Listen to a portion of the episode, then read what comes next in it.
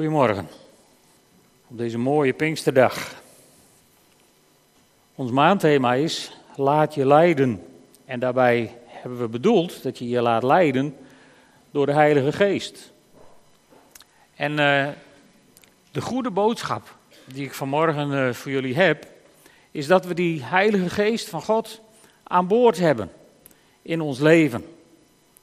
En ik wil met jullie graag een stuk lezen uit de Bijbel, Handelingen 2, het Pinksterverhaal bij uitstek. Handelingen 2.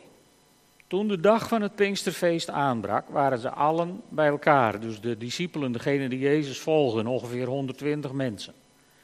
Plotseling klonk er uit de hemel een geluid als van een hevige windvlaag, dat het huis waar ze zich bevonden geheel vulde. Er verschenen aan hen een soort vlammen die zich als vuurtongen verspreidden en zich op ieder van hen neerzetten. En allen werden vervuld van de Heilige Geest en begonnen op luide toon te spreken in vreemde talen zoals hun door de Geest werd ingegeven. In Jeruzalem woonden destijds vrome Joden die afkomstig waren uit ieder volk op aarde. Toen het geluid weer klonk, droomden ze samen en ze raakten geheel in verwarring omdat ieder de apostelen en de andere leerlingen in zijn eigen taal hoorde spreken. Ze waren buiten zichzelf van verbazing en zeiden: Het zijn toch allemaal Galileërs die daar spreken? Hoe kan het dan dat wij hen allemaal in onze eigen moedertaal horen? Parten, Meden, Elamieten, inwoners van Mesopotamië, Judea, Cappadocië, mensen uit Pontus in Azië, Frigië en Pamphylië, Egypte en de omgeving van Cyrene in Libië. En ook Joden uit Rome die zich hier gevestigd hebben. Joden en proselieten, mensen uit Kreta en Arabië, wij allen horen hen in onze eigen taal spreken over Gods grote daden. Verbijsterd en geheel van hun stuk gebracht, vroegen ze aan elkaar: wat heeft dit toch te betekenen? Maar sommigen zeiden spottend: ze zullen wel dronken zijn. Daarop trad Petrus naar voren. Samen met elf andere apostelen verhief hij zijn stem en sprak de menigte toe: U Joden en inwoners van Jeruzalem, luister naar mijn woorden en neem ze ter harte.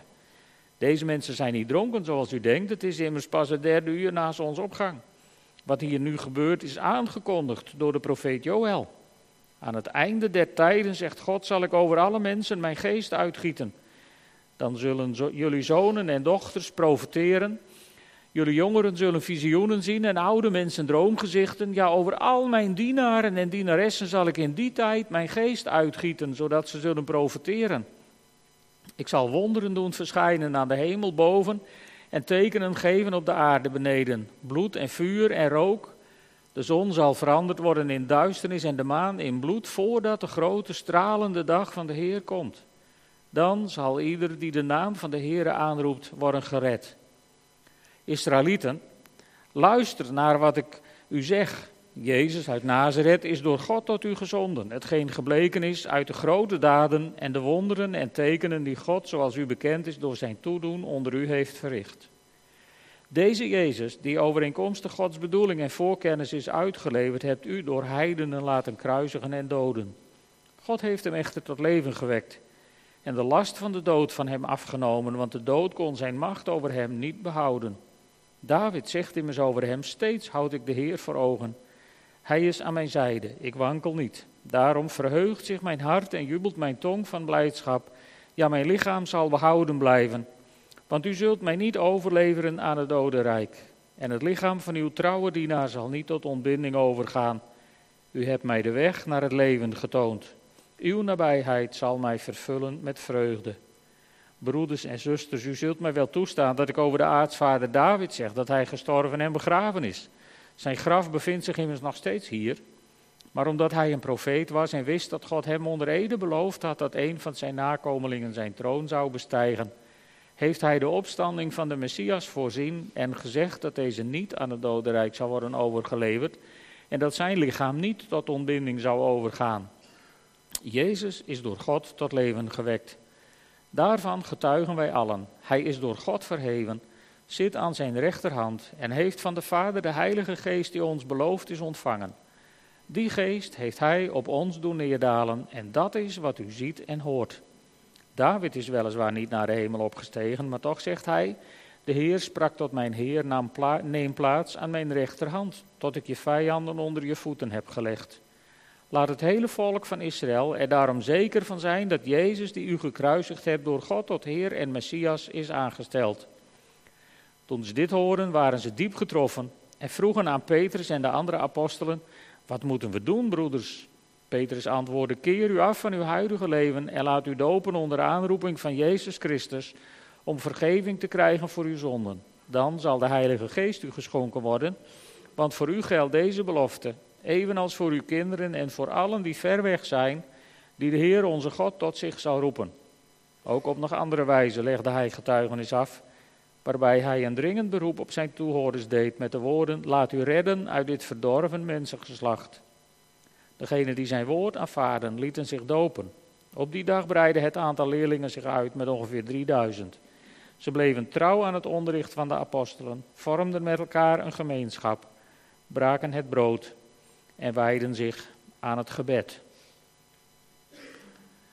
Een preek met impact, zou je kunnen zeggen. Een bijzondere dag. En, en sinds die dag houdt de kerk zich bezig met de Heilige Geest. Hoe werkt dat dan met die Heilige Geest? Nou, dat is de eerste vraag waar ik even met jullie naar wil kijken. Hoe werkt dat dan? Nou, daar zijn een hele hoop verschillende meningen over. Er zijn mensen die, die vinden dat het werkt precies zoals in Handelingen 2. Dat zijn de gelovigen die als maatstaf hebben, als je niet in tongen spreekt, heb je niet de Heilige Geest ontvangen. Daarbij vergeten we gemakshalve dat daarbij ook je hoofd in brand moet staan en de papieren van je lessenaar moeten waaien. Dat slaan we even over. En uh, volgens mij klopt dat niet helemaal. Er zijn andere mensen die zeggen: nee, bij je bekering ontvang je de Heilige Geest. Dat is gewoon een vastgegeven feit, daar merk je niks van, zie je nooit het van, heb je geen last van. Stilzwijgend, als het ware. Dat klopt volgens mij ook niet. Er zijn ook mensen die zeggen: nee, bij je doop ontvang je de Heilige Geest. Het zijn met name de kinderdopende kerken die daar heel sterk aan vasthouden. Klopt volgens mij ook niet helemaal. En er zijn ook mensen die zeggen: nee, de Heilige Geest ontvang je als een aparte ervaring. Een soort second blessing op zijn Engels. Als iets heel bijzonders. En dat zijn vaak de mensen die christen verdelen in wel of niet wedergeboren christenen. Waarbij de Heilige Geest wordt gehanteerd als een soort kwaliteitscriterium voor je christen zijn. En dat klopt volgens mij ook niet helemaal. Maar ik heb er niet nog één onder staan die wel klopt. Want wat het dan precies is. Ik heb jaren gehad dat ik dacht dat ik het snapte. Maar daar ben ik redelijk van genezen. Het heeft van al deze trekjes heeft het waarschijnlijk wel iets, maar ik pretendeer niet dat ik het helemaal begrijp. En daarom zou ik met jullie willen kijken naar een aantal Bijbelverhalen waarin de Heilige Geest wordt gegeven aan mensen. Natuurlijk hebben we het verhaal van Handelingen 2. Dat hebben we net gelezen met elkaar. En daar zien we dat er opmerkelijke verschijnselen plaatsvinden bij die eerste uitstorting van de Heilige Geest. Maar dat is nooit weer herhaald. In de hele Bijbel niet en daarna niet. Dus dit is niet de norm. Een ander heel bekend verhaal is in Handelingen 8, waar Filippus bij de Samaritanen is aangeland. En de Samaritanen komen tot bekering en ontvangen kennelijk niet de Heilige Geest. Dus dat schijnt ook te kunnen op een of andere manier. En de apostelen die reizen naar Samaria, bidden onder handoplegging voor de Samaritanen. En zo ontvangen ze alsnog de Heilige Geest. Merkbaar op een of andere manier. Zo merkbaar dat iemand er geld voor biedt om het ook te kunnen. Dus het moet wel echt, het moet wel wat geweest zijn, want anders doe je dat niet. Maar wat ze nou precies zagen, daarover zwijgt de Bijbel in alle talen. En, en in Handelingen 8 treffen we ook de kamerling uit Ethiopië.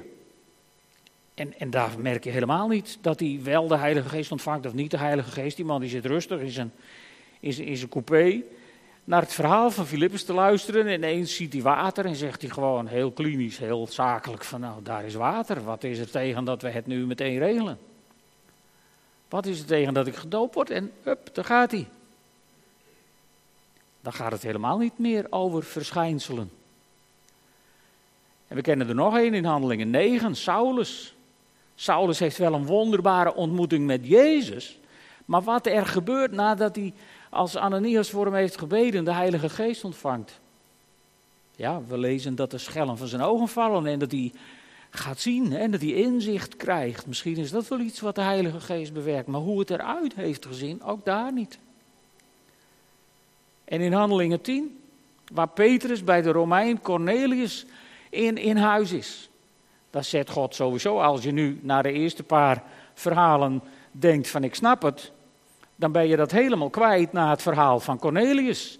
Want halverwege de preek beginnen die mensen ineens allemaal in tongen te spreken. Er heeft nog niemand geknield voor het, voor, voor, voor, voor het altaar om zich te bekeren. Er is nog niemand gedoopt. Er heeft nog niemand beleidenis gedaan. Niemand heeft nog een handtekening gezet onder een lidmaatschapformulier.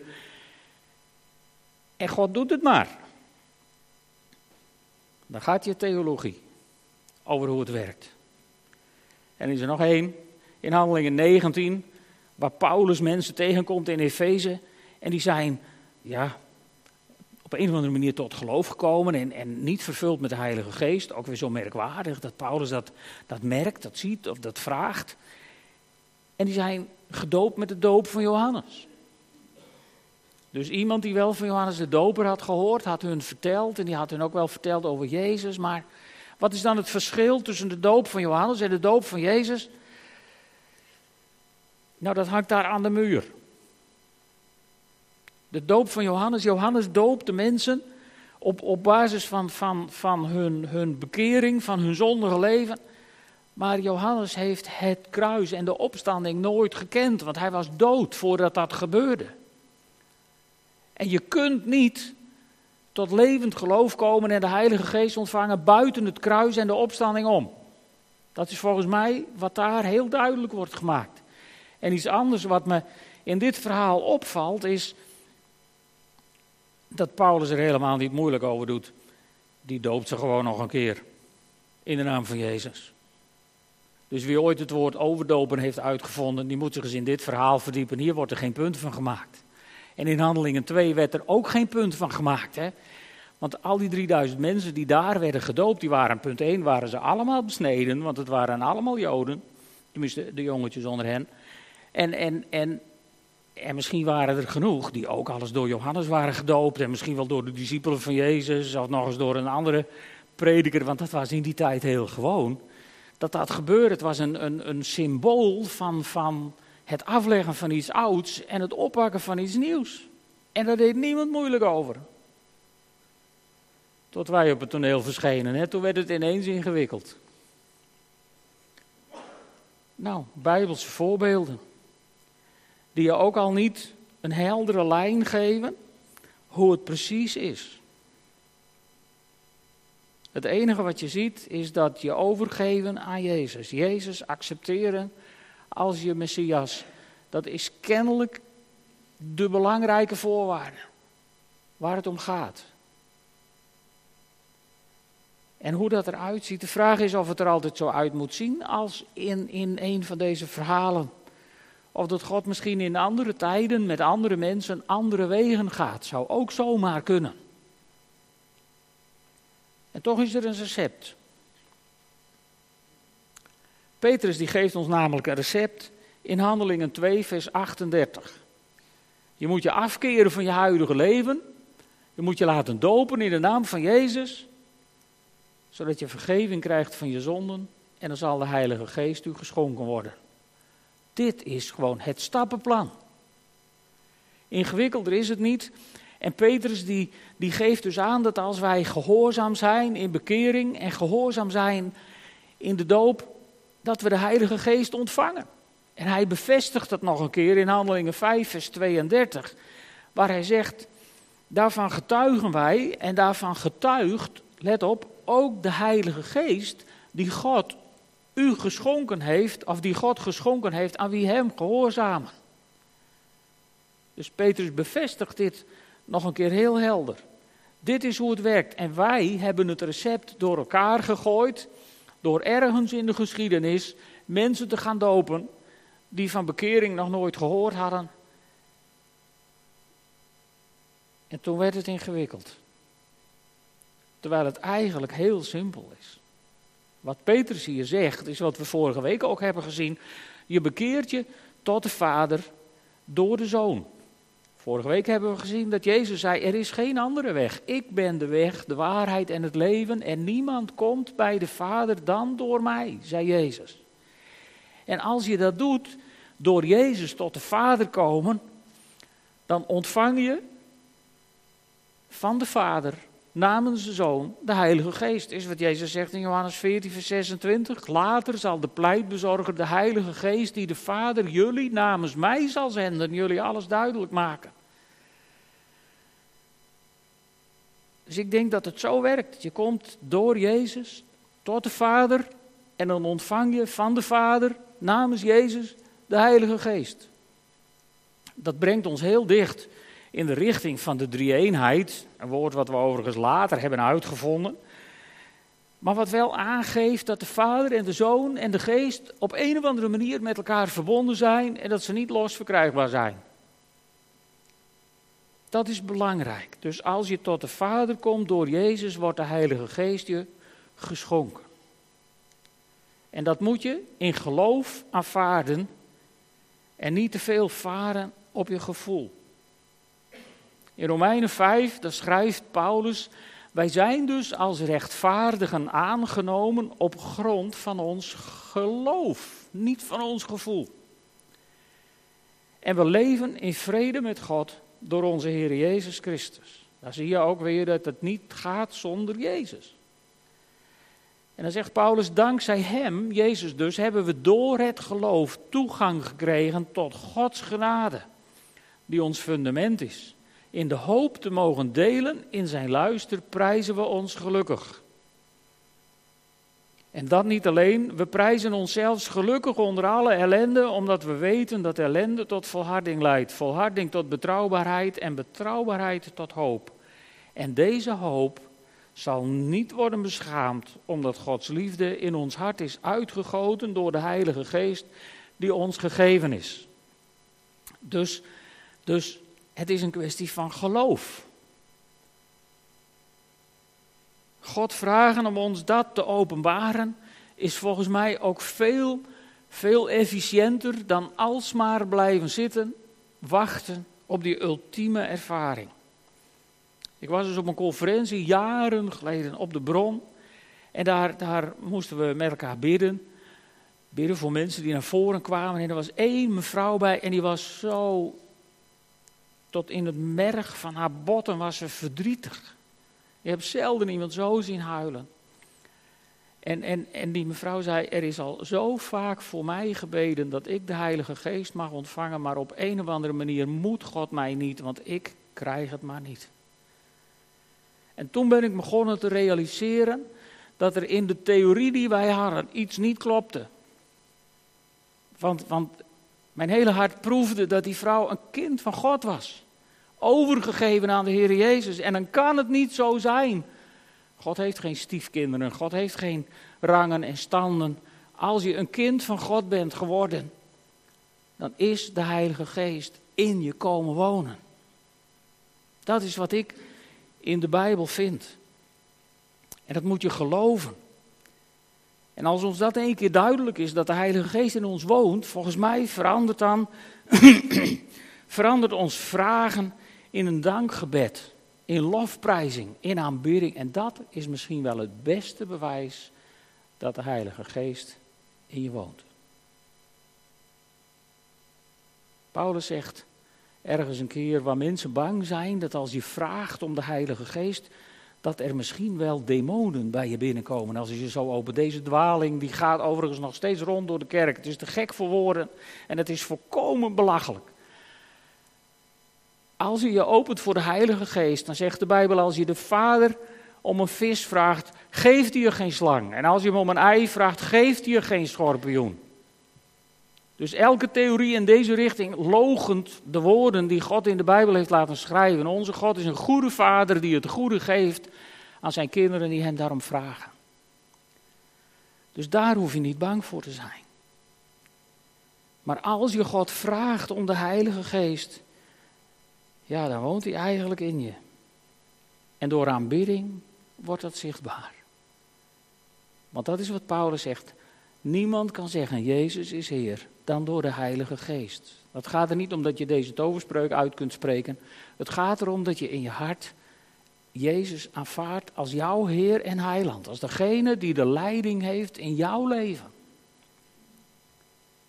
Dat is waar het om gaat. En om geloof. Dus je kunt jarenlang bidden en wachten op de ervaring dat je de Heilige Geest ontvangt. Maar dat zal niet helpen, de Heilige Geest ontvang je bij je bekering. En zolang mensen elkaar beoordelen op wel of niet wedergeboren zijn, dan moet je je heftig afvragen of ze de Heilige Geest wel ontvangen hebben, zulke mensen. Want in vers 5 van Romeinen 5, daar zegt Paulus, omdat Gods liefde in ons hart is uitgegoten door de Heilige Geest. En die liefde van God, die zou je dus moeten zien en proeven en horen in elkaar. Dat is waar het om gaat. Die God is in je komen wonen. En, en dus is de Heilige Geest u gegeven. De vraag is dan, hoe hebben we de Heilige Geest ontvangen? In, uh, in Johannes 20, vers 22, waar Jezus verschijnt na de opstanding aan zijn discipelen, daar blaast hij op een gegeven moment over de discipelen en dan zegt hij, ontvang de Heilige Geest. De vraag is, ontvingen ze hem toen? Of kregen ze toen de opdracht om hem te ontvangen als het zover zou zijn? Want even later krijgen ze in, in Handelingen 1 van de engel de opdracht om in Jeruzalem te wachten tot het hun gegeven wordt. Dus ik denk dat Jezus hun daar de opdracht, de instructie geeft om de Heilige Geest vooral te ontvangen. Met het Griekse werkwoord lambano, daar heb ik het wel eens vaker over gehad. De eerste betekenis van lambano is met de hand nemen en grijpen om het te gebruiken. Dus actief ontvangen je de Heilige Geest, ja, omarmen eigenlijk op het moment dat hij je gegeven wordt. En hem ook zijn rechten, zijn plek geven. En in, in Openbaringen 3, vers 20, dan zegt Jezus, ik sta voor de deur en klop aan. Als iemand mijn stem hoort en de deur opent, zal ik binnenkomen en we zullen samen eten. Ik met hem en hij met mij. Die tekst hebben we heel vaak gebruikt voor heidenen. En tegen die heidenen hebben ze het, Jezus staat aan de deur van jouw hart en hij klopt. Maar deze tekst staat één keer in de Bijbel en daar wordt hij niet gesproken tegen een heiden. Het staat in een brief die Johannes in opdracht van de Heilige Geest moet schrijven aan een kerk. Shocking. Dat Jezus dus aan de kerk schrijft: Ik sta aan de deur en ik klop. En als je mij binnenlaat, dus kennelijk is hij niet binnengelaten in die kerk. En als je het opzoekt in, Roma, in Openbaringen 3, dit wordt geschreven aan de kerk van Laodicea. De kerk waarvan gezegd wordt dat ze lauw zijn. En waar, waar Jezus zegt, joh, was, je maar, was je nou maar koud of heet? Maar dit lauwe, dat spuug ik uit. En als je daarover nadenkt, ja, wat was dat dan voor kerk? Nou, dan denk ik dat het een kerk was die in deze postmoderne tijd, vandaag de dag, niet uit de toon zou vallen. Maar dat het typisch zo'n kerk was, lauw geworden, postmodern. Gisteren hadden we federatief overleg met een aantal andere evangelische gemeentes in Drachten. Toen hebben we hier de hele tijd over gepraat met elkaar. Dat het in alle gemeentes eigenlijk steeds normaler wordt om zondagochtends te denken van heb ik zin om naar de kerk of heb ik geen zin om naar de kerk. En als ik geen zin heb, dan blijf ik lekker uitslapen. Ga ik leuk wat anders doen. Ik ga daar geen oordeel over uitspreken, maar het zegt wel iets over, over toewijding van mensen. Dus ik denk dat de kerk van Laodicea vandaag de dag niet eens op zou vallen. Dat we het allemaal heel gewoon zouden vinden. Niet heet, niet koud, niet te veel opvallen. Lekker rustig op je eigen plekje. Een kerk aan wie Jezus schrijft: Joh, ik sta aan de deur te kloppen. En als je mij binnenlaat, dan zal ik maaltijd met je houden. Wauw. Zou Jezus misschien bedoelen, door deze woorden, dat heel veel gelovigen de geest wel ontvangen hebben, maar hem voor de deur hebben laten staan. Of hem binnen hebben gehaald en hem achter een deur hebben gestopt en hem op slot gedraaid. Wat voor rol heeft de Heilige Geest eigenlijk in uw leven? In een oud lied zingen we: Wij hebben Vader, Zoon aan boord. En hij heet de Heilige Geest. Maar de vraag is: wat voor plek, wat voor rol heeft hij aan boord? Is hij aan boord als passagier die zich nergens mee moet bemoeien? Of is hij misschien aan boord als de loods die de kapitein, degene die verantwoordelijk is, en wij blijven zelf verantwoordelijk. De Heilige Geest doet namelijk niks met mensen, waardoor ze niet meer verantwoordelijk zijn voor wat ze doen. Maar misschien is de Heilige Geest wel de loods aan boord, die aanwijzingen geeft aan de kapitein. Van ik zou zomaar gaan, of ik zou zomaar gaan, of ik zou maar zus, of ik zou maar zo. Ik denk dat dat de rol is waarvoor de Heilige Geest ons gegeven is. Hij is ons geschonken. Maar hoe hebben we hem ontvangen?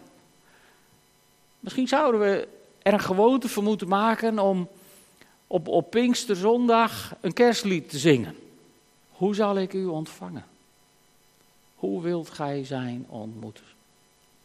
Misschien zouden we dat veel vaker tegen de Heilige Geest moeten zeggen. Here, welke plek wilt u in mijn leven? Welke rol wilt u in mijn leven? En hem dan ook de rol geven die hij je duidelijk maakt dat hij hem wil hebben. En dan gaat er van alles gebeuren. En niemand weet wat. Dat is het enge. Hè? Dat, is, dat is ook een van de redenen waarom we misschien wel zo, zo, zo terughoudend, zo aarzelend zijn geworden. Maar de ervaringen van vandaag zijn niet automatisch die van morgen en die van gisteren niet automatisch die van vandaag.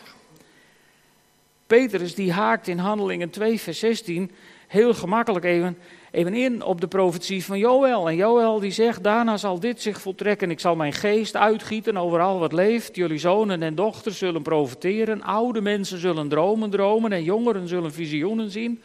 Zelfs over slaven en slavinnen zal ik in die tijd mijn geest uitgieten. Dan zal ik tekenen geven aan de hemel en op aarde, bloed en vuur en zuilen van rook. De zon verandert in duisternis en de maan in bloed. Dan komt de dag van de Heer, groot en ontzagwekkend. Dan zal ieder die de naam van de Heer aanroept ontkomen op de Sion in Jeruzalem, is een toevlucht te vinden, zoals de Heer heeft beloofd. Ieder die hij roept zal worden gered.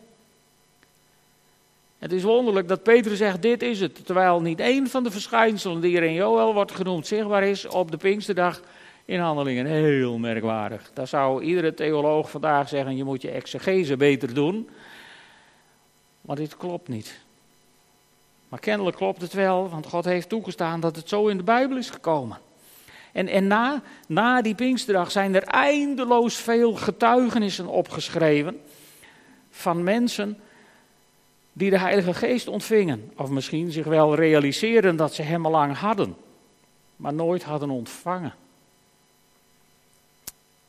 Waar het op neerkomt is, we weten dus niet hoe het eruit ziet. We hebben een, een jaar of twintig geleden een heel gedoe gehad in Toronto. Daarna was er een heel gedoe in Pensacola en dat was anders dan Toronto. Het was niet hetzelfde. En daarna hebben we, is Willow Creek bijvoorbeeld begonnen, waar heel veel mensen naartoe. Het is weer anders, maar het is wel een beweging van de Heilige Geest. En, en ze waren niet hetzelfde. En in Drachten is, is de Bethel gemeente vanuit dit gebouw gegroeid van 60 mensen naar een paar duizend nu. En wij zijn nu hier en het is anders. En als je naar een andere gemeente gaat, ongeacht wat voor titels ze boven de deur hebben staan of wat voor uh, denominaties ze zich bij hebben aangesloten, je zult ontdekken dat het anders is. Anders dan er is geen kerk gelijk. Net zo goed als er geen mens gelijk is, want God zelf is eindeloos creatief in de dingen die hij doet. En het werk van zijn handen is nooit een kopietje van wat hij ergens anders heeft bedacht. Het is dus overal anders. En als God werkelijk de ruimte krijgt, zullen we merken hoe Hij zich hier in Open Thuis wil openbaren. De vraag is of we dat durven. Hem zoveel ruimte te geven dat hij het misschien wel net anders doet dan wij in ons hoofd hebben. Ik ben daar geen held in, daar wil ik best eerlijk in zijn. Aan de andere kant word ik ook getroost. Want als je een verschijnsel mist, wat je ergens anders hebt gezien, wil dat niet zeggen dat je minder bent. Dat je de geest van God niet hebt. Als dat spektakel wat je hier en daar ziet er niet is, betekent dat niet dat God jou niet mag. Je kunt nooit voor voorbeden komen, diep in tranen, omdat je het gevoel hebt dat God jou als tweederangs mens beschouwt, omdat je dingen niet beleeft die iemand anders wel beleeft. Want de geest van God woont in jou. Geloof dat nou.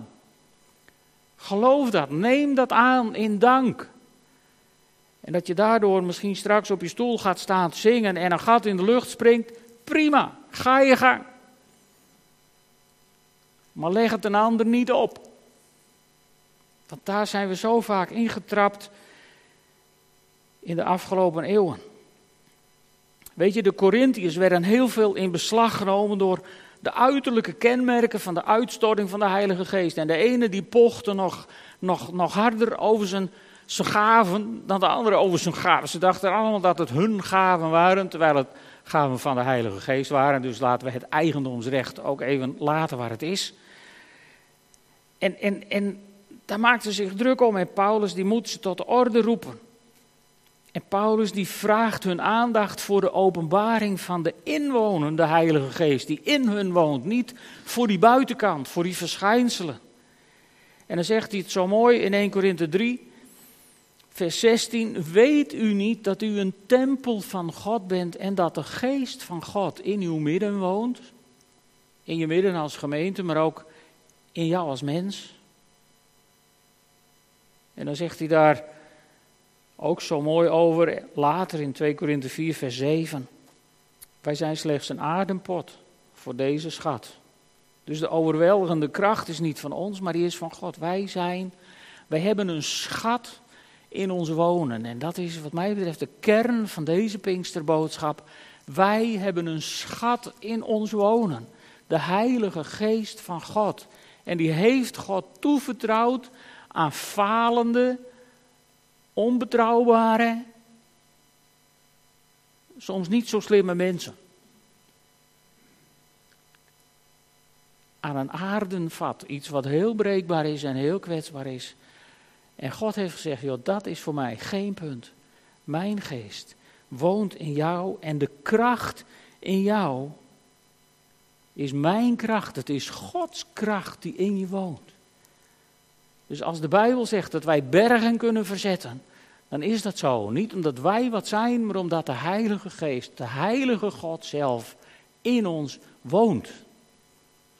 En daardoor zie je soms mensen die dingen aankunnen waarvan je denkt, waar halen ze de kracht vandaan? Nou, dan weet je nu het antwoord.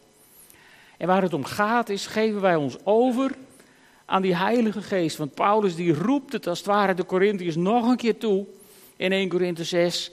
Weet u niet dat uw lichaam een tempel is van de Heilige Geest die in u woont en die u ontvangen hebt van God?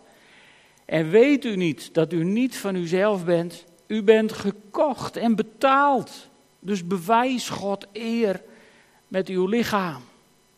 Yes, God aanbidden, God loven en prijzen. Dat is het bewijs dat de Heilige Geest in je woont. En dan tenslotte lees ik een aantal versen met jullie uit Romeinen 8. Want als die Heilige Geest in je woont en de regie heeft, dan ben je in Christus Jezus. En dan zegt Paulus, en wie in Christus Jezus zijn, worden niet meer veroordeeld. De wet van de geest die in Christus Jezus leven brengt, heeft u bevrijd van de wet van de zonde en de dood. Waartoe de wet niet in staat was, machteloos als hij was door de menselijke natuur, dat heeft God tot stand gebracht. Vanwege de zonde heeft hij zijn eigen zoon als mens in dit zondige bestaan gestuurd. En zo heeft hij in dit bestaan met de zonde afgerekend. Opdat in ons wordt volbracht wat de wet van ons eist. Ons leven wordt immers niet langer beheerst door onze eigen natuur, maar door de geest. Wie zich door zijn eigen natuur laat leiden, is gericht op wat hij zelf wil, maar wie zich laat leiden door de geest, is gericht op wat de geest wil. Wat onze eigen natuur wil, brengt de dood voort, maar wat de geest wil, brengt leven en vrede. Onze eigen wil staat vijandig tegenover God, want hij onderwerpt zich niet aan zijn wet en is daar ook niet toe in staat. Wie zich door zijn eigen wil laat leiden, kan God niet behagen. En dan komt de slotconclusie, maar u, maar u leeft niet zo. U laat u leiden door de geest, toch? Want de geest van God woont in u. En iemand die zich niet laat leiden door de geest van Christus, behoort Christus ook niet toe. U leeft niet zo. U laat u leiden door de geest. Want de geest van God woont in u. Hebt u nu een beetje een idee hoe het zit? Als iemand tot de Vader komt door de Zoon, wordt de geest hem geschonken. Die staat als het ware aan de deur en klopt aan.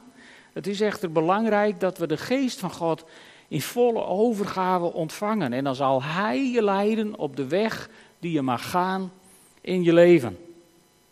In Handelingen 3 begon die weg voor 3000 mensen met de doop. Ondanks het feit dat ze al besneden en misschien wel al gedoopt waren. En niemand maakte zich druk om doopdogmatieken. Wat een geweldige tijd moet dat geweest zijn toen we dat nog niet hadden. En, en ook in mijn leven leidde God mij achter Jezus aan. En mijn weg met Jezus begon heel duidelijk door het water. Er was geen ontkomen aan. En ik hoop dat God in, in jouw leven, als je nog voor het water staat aarzelen van zal ik wel of zal ik niet. Ik hoop dat God tot je gaat spreken, dat de Heilige Geest zo indringend aan je gaat trekken en duwen en gaat kloppen aan je deur. Dat je zult weten, dit is de weg die ik met God mag gaan. En ik kan je uit mijn leven garanderen dat je af en toe de wanhoop nabij bent. Maar dat je achteraf, als je terugkijkt, telkens denkt: dit had ik voor geen goud willen missen. Dit zou ik niet in willen ruilen voor alle rijkdom van de wereld. Lieve mensen, laat je leiden door de geest, want de geest van God woont in je.